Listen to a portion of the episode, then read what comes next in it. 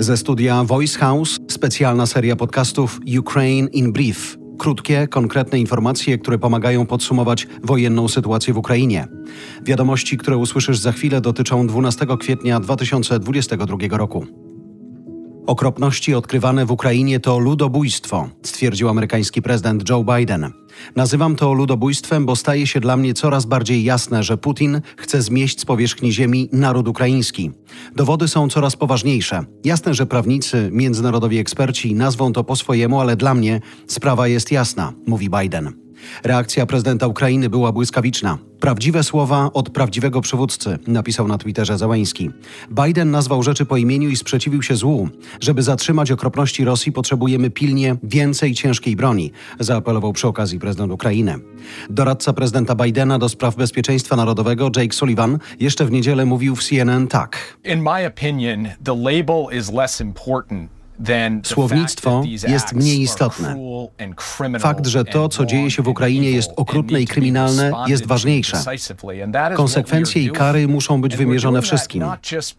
Robimy to nie tylko wspierając międzynarodowe śledztwo, ale także dostarczając Ukrainie broń, która ma pomóc im w czasie walk z Rosją.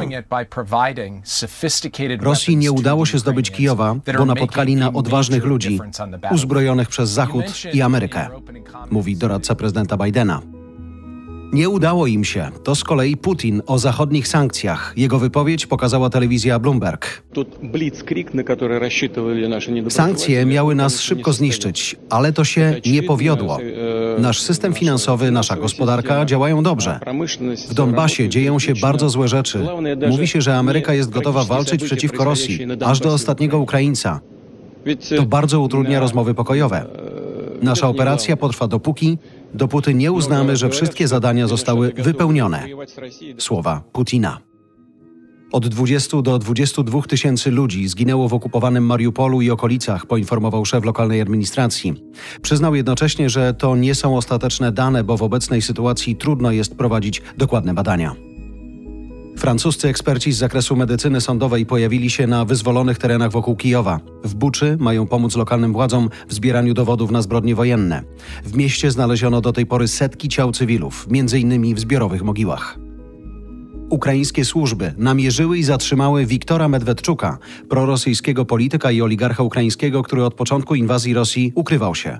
Został wytropiony i aresztowany. Jego zdjęcie w mundurze wojskowym i kajdankach będzie zdecydowanie jednym z symboli tej wojny. To było Ukraine in Brief od Voice House. Kierownictwo produkcji Adrian Gronegliszka. Produkcja Dorota Żurkowska. Realizacja Kacper Majdan. Redakcja Agnieszka Szypielewicz i Olga Michałowska.